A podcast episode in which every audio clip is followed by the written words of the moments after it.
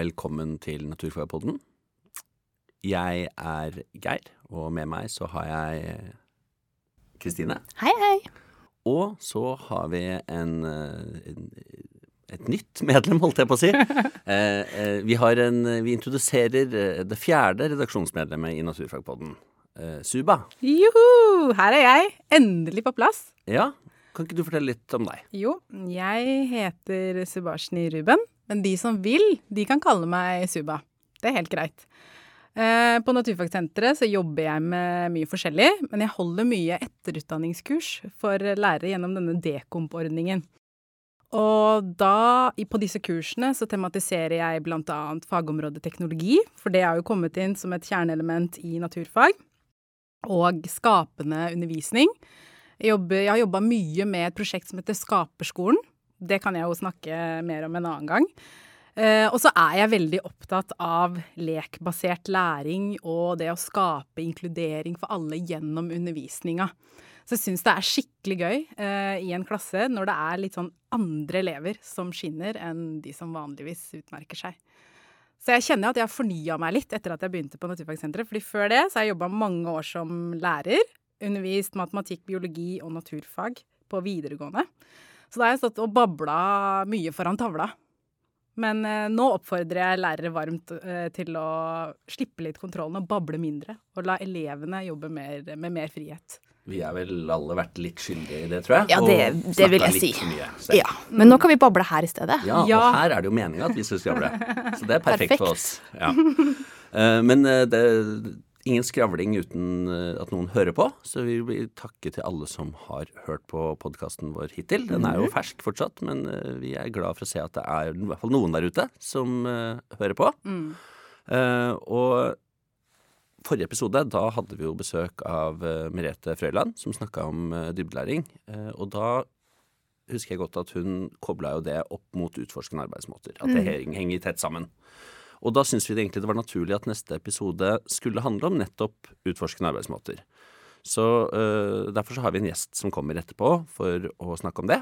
Men jeg tenkte litt å høre med altså Ja, eksempel deg da, Suba. Eh, hvordan, eh, hva, hva tenker du på når du tenker på egen undervisning og utforskende Ja. arbeidsmåter?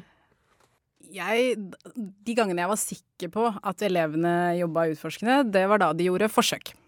Så, men det er jeg litt usikker på nå. Ja, for jeg har, jeg har tenkt litt på det at hvis elever altså Det er jo sånn klassisk å tenke forsøk, da gjør man noe praktisk. Ok, da jobber eleven utforskende. Men så har jeg tenkt litt på det med Hvis du har en sånn oppskrift da, som du følger. Ja. Ok, gjør dette. Ta fram dette utstyret. Sjekk dette. Noter ned disse tallene. Mm. Ferdig. Har man egentlig jobba utforskende da, hvis man bare Nei. følger en oppskrift? Er det ikke det der som kalles sånn frihetsgrader, hvor i, en, i, en sånn, i et forsøk og ulike bestanddeler av et forsøk, for at du har jo hypotesen, og du har analysen, og du har eh, innsamling av data osv., at du har jo på en måte ulike grader av hvor mye eleven får bestemme selv, og hvor mye som er gitt eller strukturert eller på en måte av, eh, av lærer, da. Så jeg tenker at hvis alt er veldig strukturert, så kan man ikke kalle det utforskende, i, i mitt hode i alle fall. Nei. Og Nei. da forsvinner jo den forsøktankegangen min, for alle ender jo opp med det samme. Ja, Alle skal komme fram til det samme. ikke sant. Ikke så fritt. Nei. Vi trenger kanskje litt hjelp. Ja, jeg, tror det. vi gjør det. Jeg tror vi gjør det.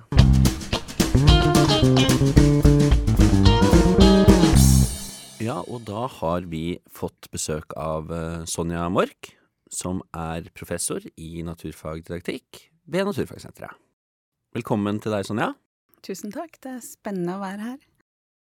Det er vi er veldig glad for å ha deg her. Og du er jo her i dag for å snakke om utforskende arbeidsmåter. Og da tenkte jeg egentlig bare å starte med det enkle spørsmålet. Hva ligger i det begrepet? Utforskende arbeidsmåter. Ja, eller jeg vil kanskje heller snakke om utforske eller utforskende først, fordi det er jo et begrep som er litt ullent, og som har vært brukt i mange ulike sammenhenger opp gjennom åra.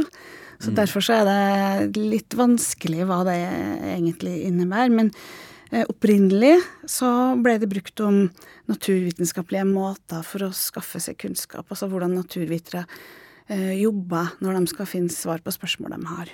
Ja. Eh, og så var det jo flere som tenkte, blant annet Dewey begynte jo å snakke om det for fryktelig mange år siden, at Mm. man burde la elevene jobbe som forskere.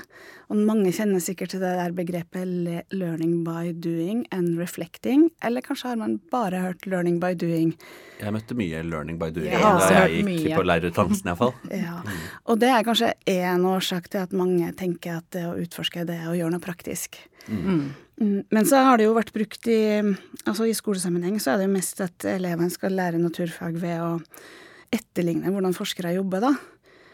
Men så er det det som forvirrer og kompliserer bildet, er at det å altså utforske, eller utforskende òg har blitt brukt om, om eh, eh, hvordan læreren legger til rette for eleven. Så det har blitt òg brukt om, om eh, Eller som en pedagogisk strategi, da. Og da blir det, begynner det å bli litt vanskelig. Hva Ja. betyr det egentlig? Dette er litt sånn ulike nivåer, egentlig, vi snakker om da. Ja. Eh, og for min egen del, altså har jeg, for å prøve å rydde opp i min egen forvirring, så har jeg prøvd å tenke på hva, hva gjør læreren, og hva gjør eleven. Eh, sånn at når jeg snakker om utforskende undervisning, så, så bruker jeg det kun når jeg snakker om lærere som forsker på egen undervisning, eller lærerstudenter som forsker på egen undervisning. Ja. For nå skal jo lærerutdanning òg være forskningsbasert. Mm. Men så når vi snakker om elever, hva elever gjør, så bruker vi ofte Da sier vi kanskje utforskende arbeid, utforskende arbeidsmåter, det å utforske eller gjøre en utforskning. Og for meg så blir alle de her egentlig litt sånn synonymer, da. Mm. Eh, men det er jo ikke alt praktisk arbeid som er utforskende. Men når man utforsker, så er det veldig ofte en sånn praktisk dimensjon inn i bildet. Mm. Selv om man òg kan utforske tekster, eksempel. Mm. Um, men så er det sånn at Utdanningsdirektoratet de har jo i den nye læreplanen så har vi fått veldig mye utforske i mange fag, så de har kommet med en egen definisjon av hva det vil si å utforske. Men heldigvis har de spesifisert at i naturfag, når du utforsker der, så handler det om å stille spørsmål, bruke data til å lage forklaring. Så det er på en måte kjernen i det å utforske i naturfag. Eh, Det var jo veldig interessant, for det, det å utforske en tekst, det hadde jeg ikke tenkt på som, som utforskende. Nei, og det er jo noe man kan jobbe med, og det gjør jo forskere òg, faktisk. Fordi de bruker jo masse informasjon når de jobber med forskningsprosjektene sine. Da må de jo finne ut hva har andre forskere gjort før, hva trenger vi å vite mer om. Og da leser de jo på en systematisk måte, de utforsker tekster. Og det skjer jo at det blir brukt òg når man jobber med lesestrategier med elever i skolen. At man kan gi leseoppdrag og utforske i tekster. For man er på jakt etter bestemte typer informasjon. Spennende. Eh, vi, er jo, eh, vi er jo opptatt av, eh, av naturvitenskapelige praksiser på Naturfagsenteret. Det snakker vi mye om. Eh, og hva, hva vil du si er liksom sammenhengen Mm. Mellom utforskende arbeidsmåter og naturvitenskapelige jeg er veldig glad for at du spurte om det, Geir, fordi at eh, eh, siden det med utforske er så ullent, så er det mange som har tenkt på hvordan kan vi komme rundt det her, hvordan kan vi gjøre det her mer spesifikt. Og i 2012 så kom det noen sånne nye standarder for naturfagundervisning i USA. Det er nesten det samme som læreplan. Eh, og sånne standarder som kommer i USA, de har en tendens til å få stor innflytelse også internasjonalt. Men det de gjorde i 2012, da, da eh, sa de at nå skal vi gå bort fra det å utforske, for det kan misforstås, det kan brukes i så mange ulike sammenhenger. Ja. Så nå vil vi heller snakke om scientific practices, eller naturvitenskapelige praksiser på norsk. Og det med å utforske, det er jo det forskere gjør når de prøver å finne ny kunnskap. Og hva er det helt konkret de gjør? Jo, da bruker de ulike praksiser, ulike arbeidsmåter. Så, så da har de i de her standardene i USA kommet med forskjellige praksiser. Og vi har jo òg fått det som et eget kjerneelement i vår nyeste læreplan. Naturvitenskapelige praksiser og tenkemåter heter det her, da. Um, så, så det med praksiser, det er på en måte en sånn konkretisering eller spesifisering av hva det vil si å utforske.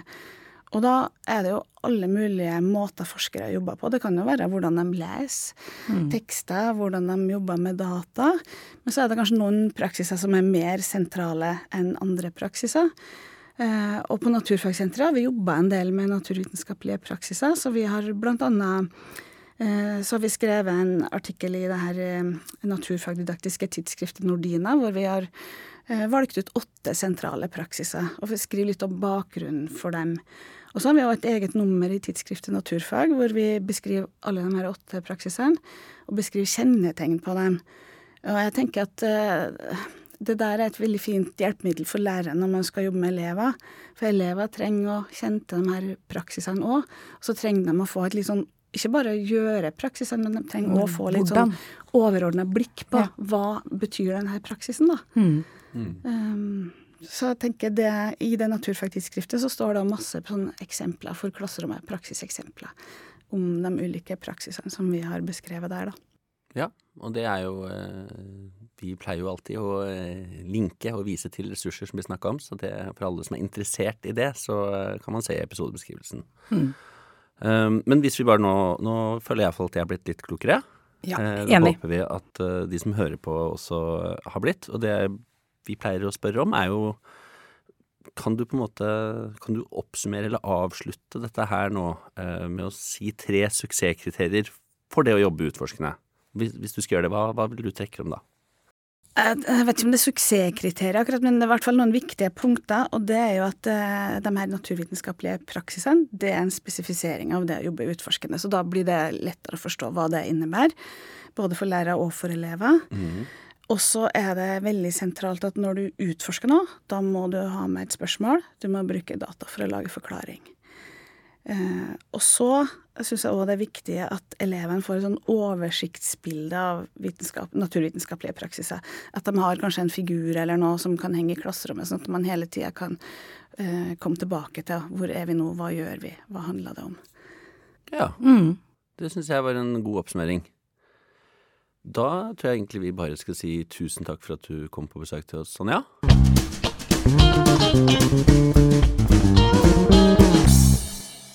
Åh, det var skikkelig spennende å høre på Sonja prate. Enig. Mm. Det er mye som er utforskende. Mye som er utforskende.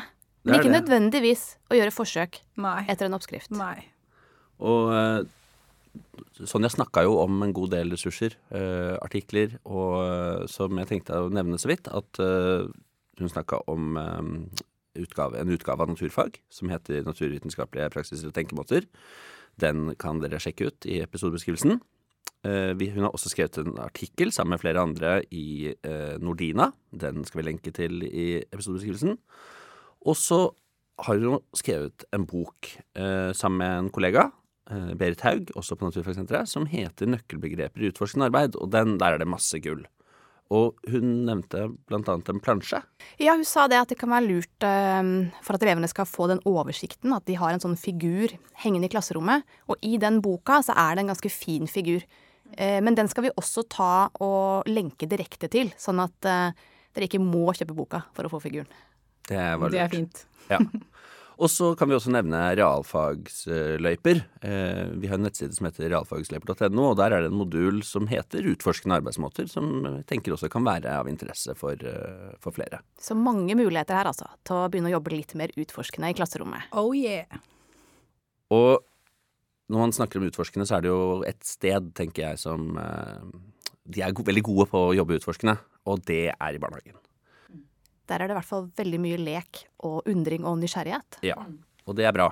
Det liker vi. Og for å lære litt mer om det, så tenkte vi at i neste episode så skal vi invitere Guri Langholm til å snakke om nettopp eh, barnehage og lek der.